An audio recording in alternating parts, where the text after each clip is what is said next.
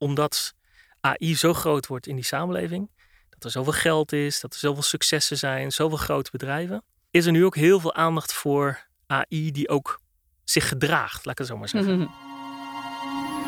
Dit is Overdenken, een podcast van de Open Universiteit, waarin ik, Nienke de Jong, praat met hoogleraren en docenten over hun vakgebied, over actuele kwesties en over de mensen achter de wetenschapper.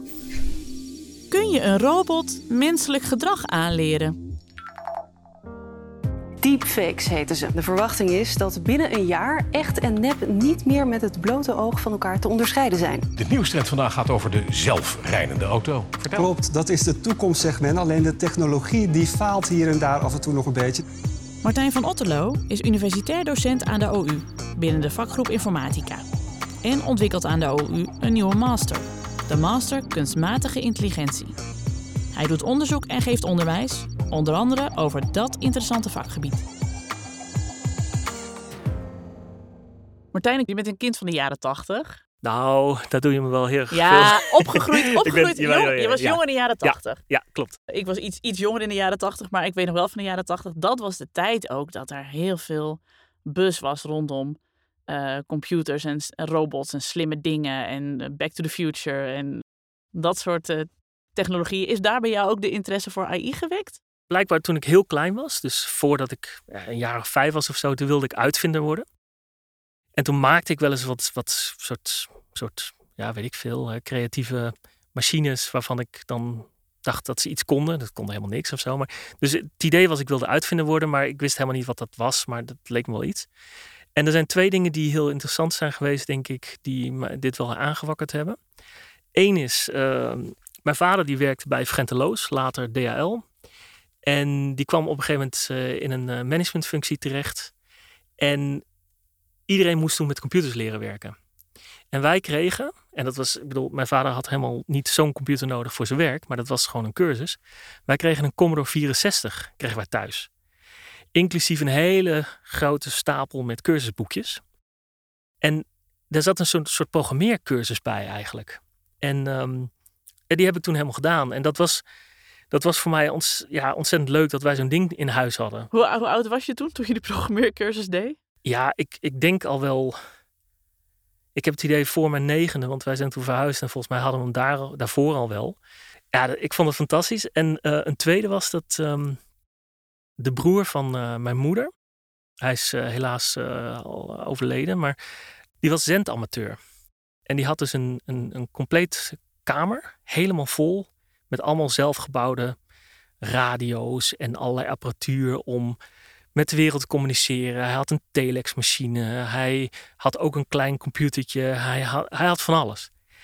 En daar leerde ik solderen. En we gingen een beetje met die computer programmeren. En we gingen ja, van alles doen wat gewoon knutselen met elektronica en dat soort dingen. En ik denk dat die twee dingen bij elkaar wel hebben gezorgd dat ik dacht, nou, dit, dit zijn leuke dingen. Wat is volgens jou de, de, de definitie van AI? Zodat eh, alle luisteraars het duidelijk hebben. Waar hebben we het over? En voor mezelf zou ik zeggen, een techniek of een computersysteem of een robot of wat dan ook, die dingen kan doen waarvan wij als mensen zeggen, nou, dat is, dat is best slim dat hij dat kan. Schaken was twintig jaar geleden, eh, of 30 jaar geleden eigenlijk, was nog zoiets van, jeetje, als een computer heel goed kan schaken, nou, dat is slim. Tegenwoordig denken we, oké, ja, hij kan schaken. Maar als we nu een auto voorbij zien rijden die zichzelf helemaal zou kunnen besturen en ook nog een kind kan ontwijken of zo, eh, als dat in één keer voor de auto duikt, dan zeggen we, jeetje, dat is echt een slimme auto, dat die dat kan. Dus het verandert ook met de tijd. Maar de definitie voor mij is van, ja, iets wat, wat wij intelligent nu vinden. Hoe leer je die AI-systemen gedrag? Nou, er zijn dus, er zijn dus ehm, heel veel manieren hoe je daar naar moet kijken. Van wat is dan wat hij leert? Heel vaak eh, hoor je nu tegenwoordig de term eh, zelflerend. Dat vind ik altijd iets heel gek, want computers zijn helemaal niet zelflerend. Wij, wij zetten altijd nog bepaalde eh, taken eromheen, of wij, wij geven bepaalde grenzen aan, waarbinnen die iets moet leren. Dus wij zeggen dan van, nou, beste computer, hier heb je een schaakbord en dit zijn de regels. En zo kun je spelen. Dit kun je wel doen, dit kun je niet doen. En probeer een situatie te bereiken dat jij gewonnen hebt. En dan daarbinnen kan hij heel goed optimaliseren. En dat, dat is wel heel erg beperkt nog. Dus we hebben nog geen computers die de, de wijde wereld in kunnen gaan en denken van nou, wat zou ik vandaag eens gaan leren? Die volgende stap van een vrij de wereld in, zou dat in de, in de toekomst wel kunnen? Zie je dat al maar, gebeuren? Kijk, je hebt twee dingen. Hè. Je hebt ehm, een volledig digitale setting. Daar is het veel makkelijker. Daarbij kun je zeggen van nou, weet je wat, ehm, dit systeem kan gewoon het internet opgaan. En die zou alle wetenschappelijke artikelen kunnen lezen op een bepaald gebied. En die kan misschien wel artikelen samenvatten. En jou dan zeggen, nou, de, de kennis op dit gebied is, uh, is dit. Um, of die kan uh, bijvoorbeeld het internet opgaan, net als een hacker. En die kan proberen ergens in te breken. En die kan leren hoe die dat het beste kan doen. En je zou zelfs kunnen zeggen van nou, die kan met deepfakes, hè, dus uh, plaatjes manipuleren, of zelfs een stem manipuleren. Zou die ook mensen kunnen, nou, noem maar wat, kunnen opbellen. Mm. En dan kan die uh, mensen overhalen om hun, uh, weet ik veel, paswoord te geven. Dus je kunt, je kunt hele scenario's bedenken dat via alle digitale wegen die er zijn, dat je zo'n computer um, steeds meer autonomie geeft in, in, in wat hij kan doen daar. En dan kan hij daar optimaal gedrag leren. Dat, dat zou kunnen. Maar in de fysieke wereld, daar zijn we nog heel beperkt. Uh, er zijn al heel veel mensen die uh, voorspellen al tientallen jaren van nou, maar over vijf jaar dan hebben we allemaal een huishoudrobot. Nou, ik denk dat in heel Nederland misschien een heleboel mensen een, um, zo'n uh, zo'n stofzuigrobot hebben. Ja, of misschien een grasmaaierrobot. Ja. Maar ik ken niemand die een robot heeft die zijn ontbijt kan klaarmaken. Er is bijvoorbeeld een heel uh, mooi filmfragment uit, uit zo'n jaren tachtig film, uit mijn uh, jeugd. Mhm. um, waarin een robot, die, die oorspronkelijk een militaire robot is, nou, die wordt door een blikseminslag, wordt die uh, opeens toch een heel lief, leuk robotje. En die hoe, wil over hoe de heet wereld. deze film? Short Circuit. Make these golden fluffy pancakes. Short Circuit is een Amerikaanse komische science fiction film uit 1986. Add flour, Waarin een aardig beeld wordt geschetst van hoe men in de jaren 80 tegen robots aankeek. milk, En hoe moeilijk het is om een robot het leven te leren. and eggs. Centraal staat robot number 5. In een sleutelscène uit de film denkt number 5 dat hij al weet hoe hij een ontbijt moet maken. Maar de kijker ziet hoe hij de pan nog niet uit de verpakking heeft gehaald en hoe zijn beslag door de kamer vliegt. Strekking. De robot heeft goede bedoelingen, maar kan bij lange na nog niet wat een normaal mens kan. Morning. Oh, number five. Good morning. Sleep well. You're making me breakfast, aren't you? Pancake surprise. Wat vooral moeilijk is, is, is niet, niet alleen die fysieke wereld. Dus ehm, we hebben dus een, een tijdje geleden, zeg maar tien jaar geleden, was, waren er workshops en die gingen over van oké, schaken hebben we wel opgelost. Maar we hebben nog steeds geen robot die gewoon met een robothand een willekeurig schaakspel, gewoon het fysieke spel, gewoon de, de stukken kan besturen. Mhm. Want dan moet je een stukje kunnen oppakken en dan moet je die op de juiste plaats neer kunnen zetten. Dus het is allemaal ja, heel fijn mechanisch werk. Ehm, dus die fysieke skills, die zijn al heel moeilijk. Ehm, met, met robots, met lopen of wat dan ook. Maar daartussenin zit ook nog het begrip van de wereld. En dat is iets waar computers nog, nog extreem slecht in zijn. De wat grotere dingen die wij eigenlijk super simpel vinden, namelijk gewoon een ontbijtje maken. En denken van, potverdorie, daar, de aardbeien zijn op. Maar ik heb nog wel iets anders in de tuin staan. Dan haal ik dat even en dan heb ik toch een leuk ontbijt. Of hé, hey, dat kopje dat mist een oor, dus ik kan beter een ander kopje pakken. Dat soort simpele dingen. Dat is, ehm, ja, dat is nog iets wat gewoon eh, echt opgelost moet worden. Ja, maar waarom is het zo lastig om dat een robot te leren? Wij hebben vaak niet door hoeveel impliciete kennis van de wereld wij eigenlijk gebruiken bij ons ehm, redeneerproces over eh, echt super simpele situaties als bijvoorbeeld een ontbijt maken of wat dan ook. Ik kan hier nu door, door het ruitje heen kijken van, van deze opnamestudio. Maar ik weet ook, ik kan mijn hand er niet doorheen steken. Ik denk, Ja, vrij logisch. Maar ik heb ooit experimenten gedaan met een robot in eh, Portugal een weekje. Die hadden we niet gezegd dat hij met blokjes stapelen niet met zijn arm door de tafel heen kon. Dat probeerde hij toch. Toen was de robot voor een hele dag gewoon echt gebroken. Want die arm die was gewoon kapot, omdat hij toch probeerde door de tafel heen. Hij wilde een blokje van de grond pakken en hij had niet door dat hij om de tafel heen moest. Nee, zelfs dat niet. Hij zei, hij dacht gewoon, ik moet mijn arm verplaatsen van A naar B. En dat kan eigenlijk best wel door die tafel heen. En die ging kapot. Nou, dat soort heel simpele dingen in de fysieke setting, maar ook die sociale dingen. Wij weten dat, dat is super logisch. Maar bij een computer moet je dat allemaal instoppen. Nou, hoe stop je alle, wat wij dan noemen, common sense knowledge van de hele wereld in een computer? Nou, daar zijn mensen ook al lang mee bezig. En we, we hebben al die deep learning systemen. Nou, die kunnen heel goed uit data een specifieke taak leren. Maar heel veel taken, die zijn niet zo simpel als katten en honden vergelijken. Die vergen begrip van de wereld. Dan zou je eigenlijk moeten zeggen, ja, zo'n robot moet gewoon leven. Die zou eigenlijk gewoon in de wereld moeten rondlopen. En net zoals wij leren, dan zou je nog kunnen zeggen, ja, ze kunnen hun ervaringen delen, dus ze kunnen sneller leren dan wij. Maar toch, dus, ja, er zit iets in van, sommige dingen moet je gewoon ervaren. Dus, maar hoe, hoe laat je een robot nu ervaren wat het is om te leven? Ja, en hoe zorg je ervoor dat hij het onthoudt? En dat hij voor de volgende keer in de volgende situatie weer weet... als ik in een winkel kom, moet ik een karretje pakken bijvoorbeeld. Ja, en, en, en, en soms dan weer niet. eh, want het is corona en dan moet je misschien een mandje of zo. Dus Ja. er zijn weer uitzonderingen. En dan is dus eigenlijk die, die ethische stap die je ook nog wil zetten van... oké, stel dat een, een robot wel het hele leven snapt... En, en inderdaad de supermarkt in kan lopen en kan denken... oh, heb ik een karretje nodig of een mandje? Wat is het deze keer? Ehm, dan nog moet je dus ook nog een robot leren van... oké, dan is het niet de bedoeling dat je tegen mensen opbotst. Of het is niet de bedoeling dat je... Het is wel de bedoeling dat je dingen betaalt als je weggaat. Je mag niet eh, zonder te betalen de supermarkt uitlopen. Er zijn de laatste paar jaar een heel, eh, heleboel eh, heel interessante films met AI als, als thema verschenen. En er zijn er ook een paar die gaan over het gedrag van robots. En of dat nou goed is of niet. En een, een hele mooie is Chappie. De film Chappie uit 2015 is een goed voorbeeld van de les die we vandaag ook leren. Dat het van belang is wie de robot programmeert en wat voor waarden en normen aan die robot geleerd worden. In de film komt een afgedankte robot in handen van criminelen die hem willen gebruiken om nog meer kwaad mee uit te halen. Oh, hey, this motherfucker talks ghetto, huh? This fuck mother talks ghetto, huh? Alright, you you the rudest bad boy in Joburg. Criminelen leren hem gangster te worden en ze misleiden hem door hem te laten denken dat mensen gaan slapen als je een mes in ze steekt. Yeah, you just you can just make them go sleepy weepy. It's like a nice thing.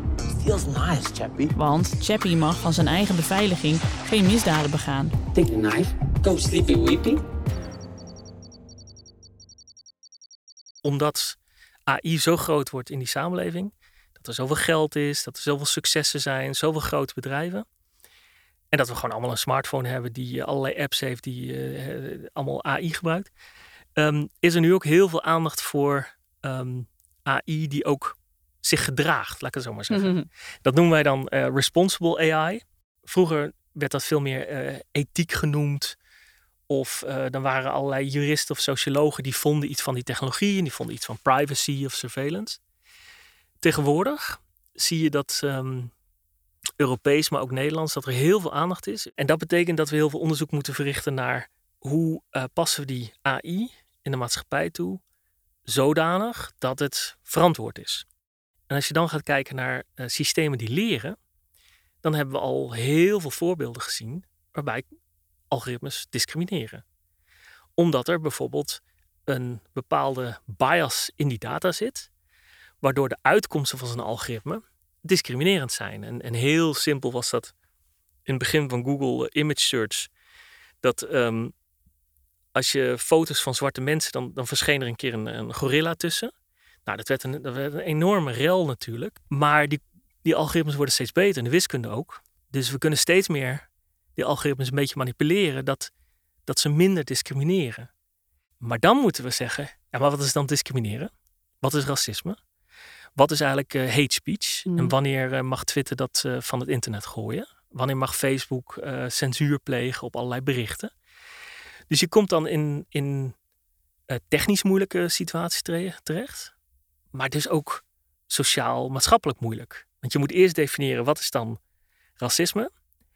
En daarna moeten mensen zoals ik een soort idee krijgen van... oké, dus dat moeten we dan niet inbouwen in die machines. Maar hoe moeten we het dan wel goed doen? Dat is allemaal mensenwerk. Dat, dat zijn geen universele regels die wereldwijd kloppen van oké, dit vinden wij. Ja, we hebben wel de universele rechten van de mens, maar wat eh, in het ene land zeg maar totaal geaccepteerd is als van dat doen, dat, dat doe je niet meer of dat zeg je niet meer, is in een ander land wat totaal oké nog.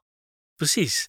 Dus dat is al heel moeilijk. Namelijk van uitvinden, maar wat vinden wij dan dat die AI-systemen zouden moeten doen? Hoe moeten ze zich, gedragen? Wat, wat zijn dan die, wat is dan goed gedrag? Want oorspronkelijk zeiden we van goed gedrag bij een schaakprogramma is gewoon winnen.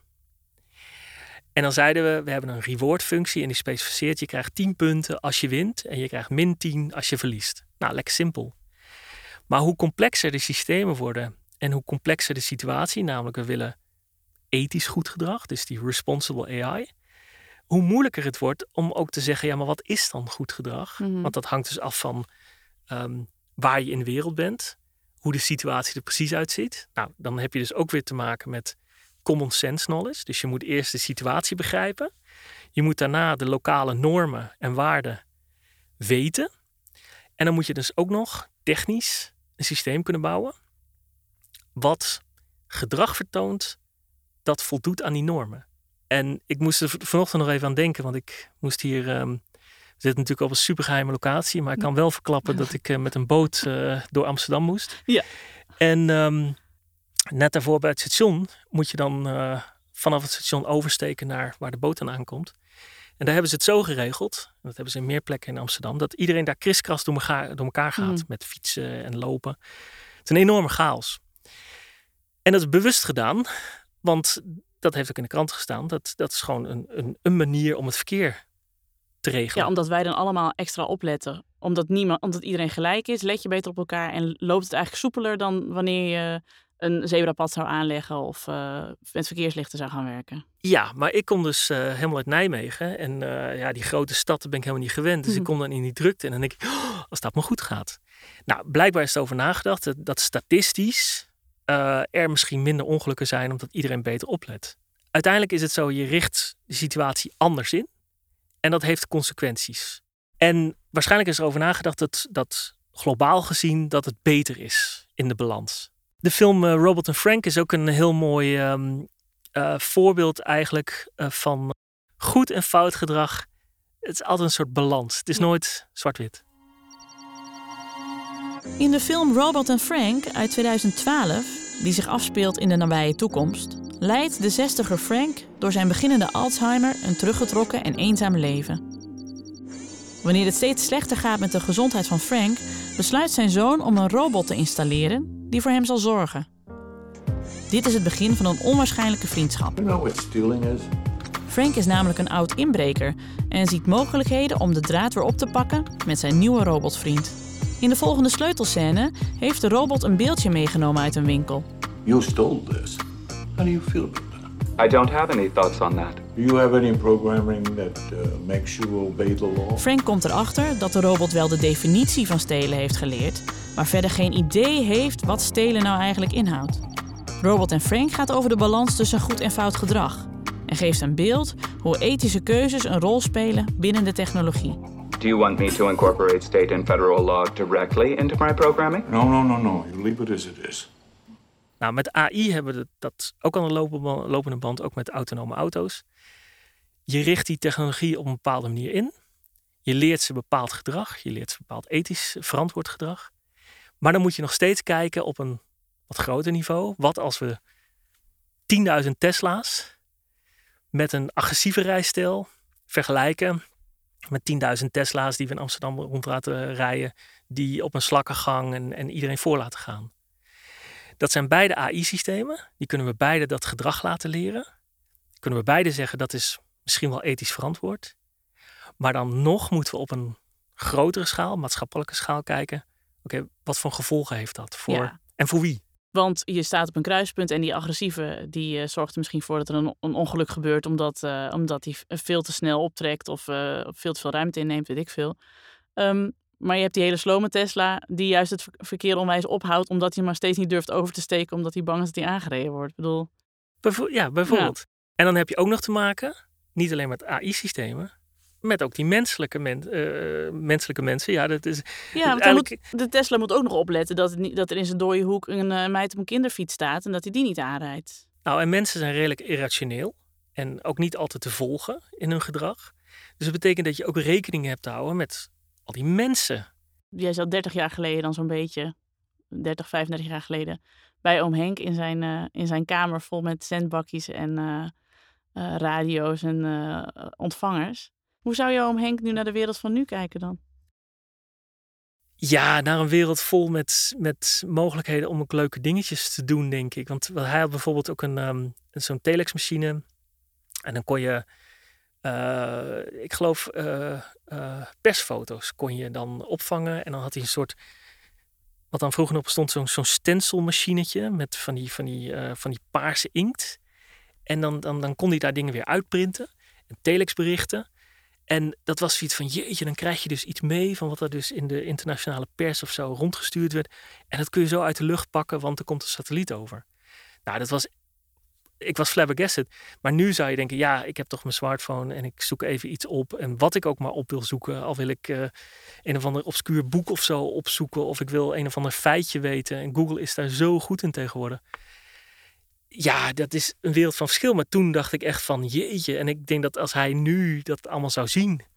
Daar, ja, maar ja, daar zou je ook in, in meegroeien natuurlijk. Ja. Uh, voor ons is het ook nu super normaal. Gelukkig gaat het niet allemaal in hele grote stappen. Maar gaan we in steeds kleine stapjes steeds verder vooruit naar een wereld waarin AI gewoon niet meer weg te denken is. En uh, nog veel groter gaat worden. Ja, maar dan moeten we af en toe ook wel bij nadenken dat het dus... Als het in zoveel kleine stapjes gaat en zo om ons heen is dat we soms ook vergeten dat het er allemaal is. Ja. Heel lang geleden hadden we gewoon computerspellen en er stond gewoon op uh, AI inside. Hè, dat was echt, er zit AI in. En we hadden een TomTom -tom en dat ding dat kon uh, navigeren en weet ik veel. En tegenwoordig heb je niet meer, hier zit AI in. Dit is gewoon, ja, dit kan die. Ja. Maar dan vergeten we misschien soms om erover na te denken.